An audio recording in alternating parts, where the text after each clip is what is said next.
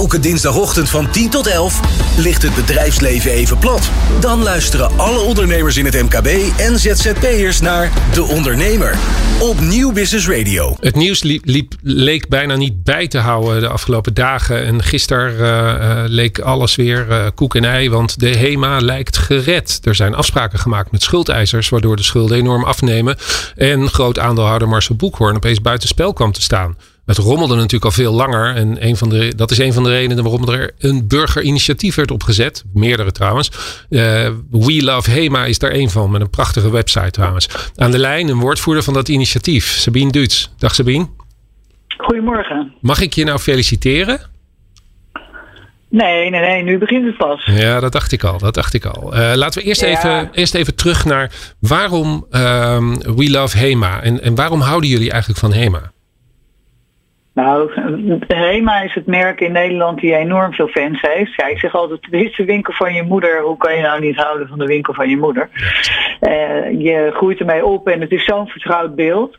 Maar het is natuurlijk ook, uh, Hema is, uh, is het eigenlijk het eerste merk wat uh, helemaal uh, private label uh, is. En het heeft unieke producten die niemand heeft. En dat maakt het ook bijzonder. Ja. En, en, ja, goed, iedereen wordt er altijd ontzettend vrolijk van. We krijgen, toen ik nog bij de HEMA werkte, hoorde je natuurlijk heel vaak terug van... Uh, ja, als ik me even niet zo lekker voel, dan ga ik naar de HEMA... en dan ben ik daarna weer vrolijk en ik kom altijd met iets leuks naar buiten. Ja. Ik denk dat dat wat HEMA is voor mensen. Ja, en betaalbaar. En dat is lekker Nederlands. Ja, je weet wat je krijgt. Je hebt altijd een goed product voor een goede prijs. En het is lekker Nederlands. Dat is zeker uh, van belang. Maar niet uh, het enige HEMA is gewoon... HEMA is HEMA. Ja, ja.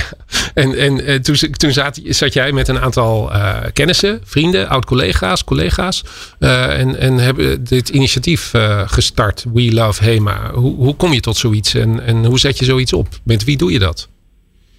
Nou, ik inderdaad met een aantal mensen die enorm verlies hebben voor het merk en er ook voor gewerkt hebben.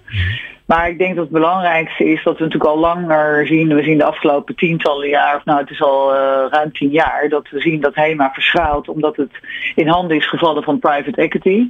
Nou, ik zeg altijd, de eerste, dat zijn de jagers, die verkopen het vastgoed. Hmm. En uh, die cashen het snelle geld en dan verkopen ze het door. En de tweede, die zet een groeistrategie in.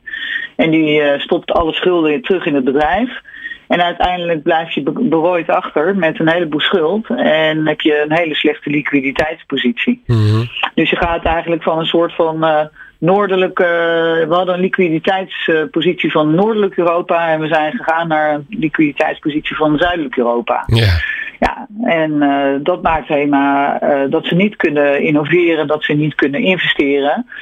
En wij willen gewoon dat het in handen komt van mensen die op de lange termijn een uh, goed bedrijf er weer van willen maken. He, dus een toekomstbestendig bedrijf wat duurzaam is en in handen komt van klanten, medewerkers en ondernemers.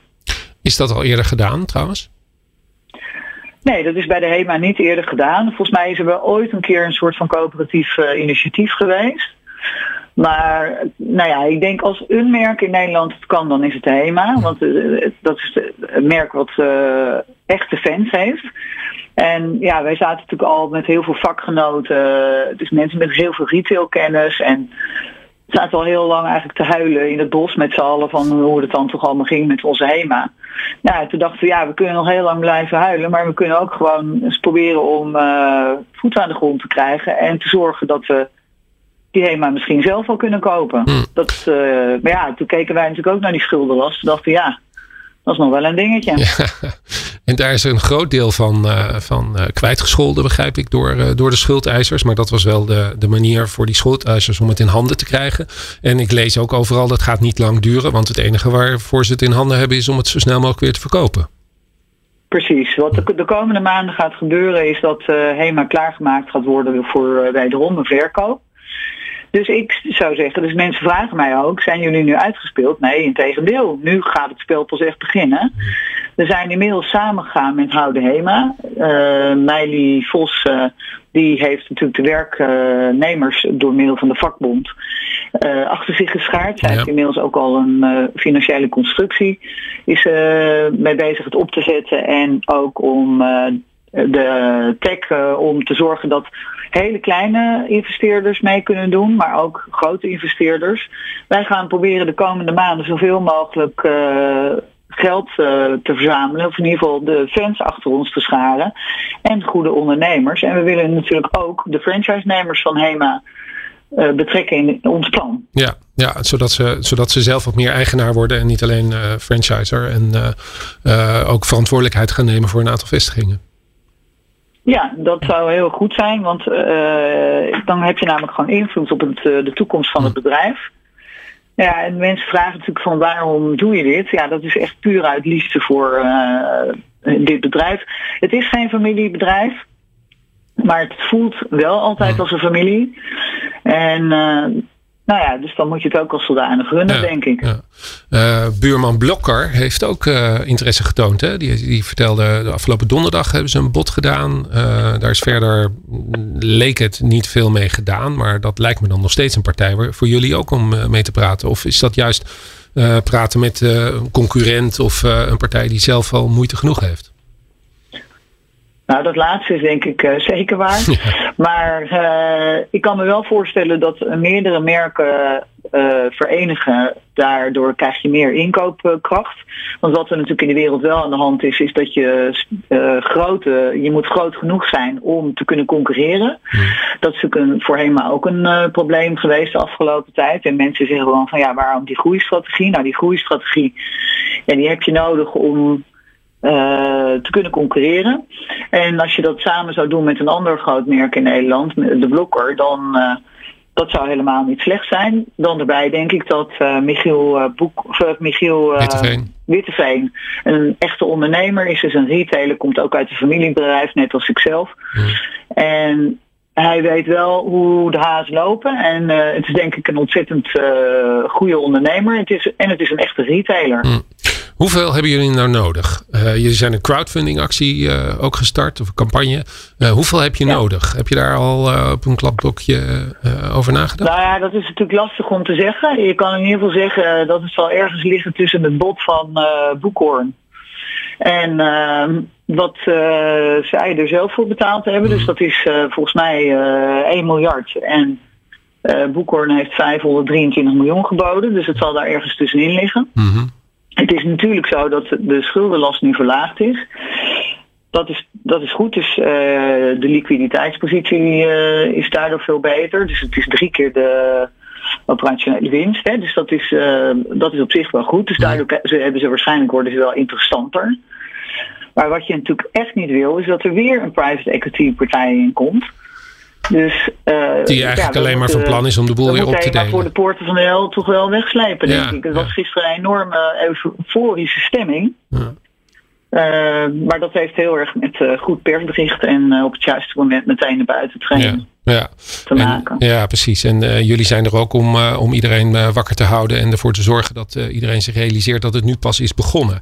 Wat, wat moet er nou gebeuren met HEMA? Als stel dat jullie het in handen krijgen, wat, wat gaat, gaat er dan iets veranderen? Wat, wat zijn de belangrijkste dingen die we dan zouden zien? Nou, dan zouden we in ieder geval zien dat we gaan voor een lange termijn strategie. Dus, uh, dus waar willen we naartoe in de toekomst? En daarbij, kijk, het is net als wat precies hetzelfde eigenlijk wat bij Unilever gebeurde, is dat je natuurlijk heel erg de strijd hebt tussen de aandeelhouders, hè, zoveel mogelijk winst uit het bedrijf trekken, en de waarde voor alle uh, stakeholders, dat eigenlijk alle belanghebbenden. En dat zijn ook de werknemers en de leveranciers en de uh, ondernemers van HEMA. Hm. Dat is, en, en, niet op de laatste plaats, ik zou zeggen op de eerste plaats de klanten. Ja.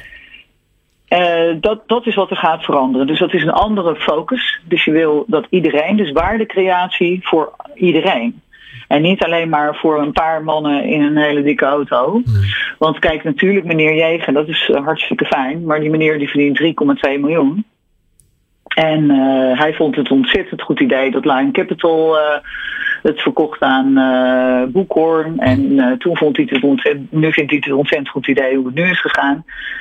Ja, ik denk hij is in close the deal. Hè? Dus hij wordt daar per se ook gewoon beter van. Ja, dat, je hebt het over de CEO nu. Ja, ja, maar kijk, dus de, wat er gebeurt is dat die, die private equity mannen, die doen altijd de directies in hun deal meenemen. Dus die directies die gaan natuurlijk uh, dat daarin mee, omdat daar hun bankrekening ook beter van wordt. Ja, ja, ja. En jij wil dat de, de Nederlandse consument er beter van wordt en dat de HEMA, uh, de HEMA blijft, uh, maar wel een HEMA van 2020, hè? niet eentje van. ja, ja want er is terug. natuurlijk de afgelopen tijd enorm veel ges, gesneden in de kosten. Hm. En dus je kan, je kan niet innoveren. Je, je hoorde het uh, Tjeertje gisteravond ook zeggen. Hij kan nu pas uh, weer investeren in de panden, dus in de grote winkels waar jaren niks aan gedaan is eigenlijk. Je krijgt, ja, HEMA is gewoon verschaald en de, en de innovatie heeft ook stilgestaan. Hm. Nou ja, dat, die, hij beweert dat hij die ruimte dan nu wel heeft. Maar het neemt niet weg dat HEMA ja, heeft een akkoord gesloten, zal er helemaal geen keus ze zijn eigenlijk uh, ja, informeel zijn ze failliet gegaan. Ja, ja, ja. maar ja. jullie zijn er gelukkig om, uh, om te kijken of het uh, toch weer vlot getrokken kan worden. En daar zijn we net mee begonnen. Dus wij gaan elkaar nog wel vaker spreken. Dankjewel Sabine. Ja, dat hoop ik wel. Dit was uh, de ondernemer. We hebben uh, vier gesprekken gevoerd waar we vier podcasts van gaan maken. Die je binnenkort uh, op de site van de ondernemer terug kunt vinden. Volgende week, dinsdag, is er weer een uitzending van 10 tot 11 bij New Business Radio. Elke dinsdagochtend van 10 tot 11 ligt het bedrijfsleven even plat. Dan luisteren alle ondernemers in het MKB en ZZP'ers naar De Ondernemer op New Business Radio.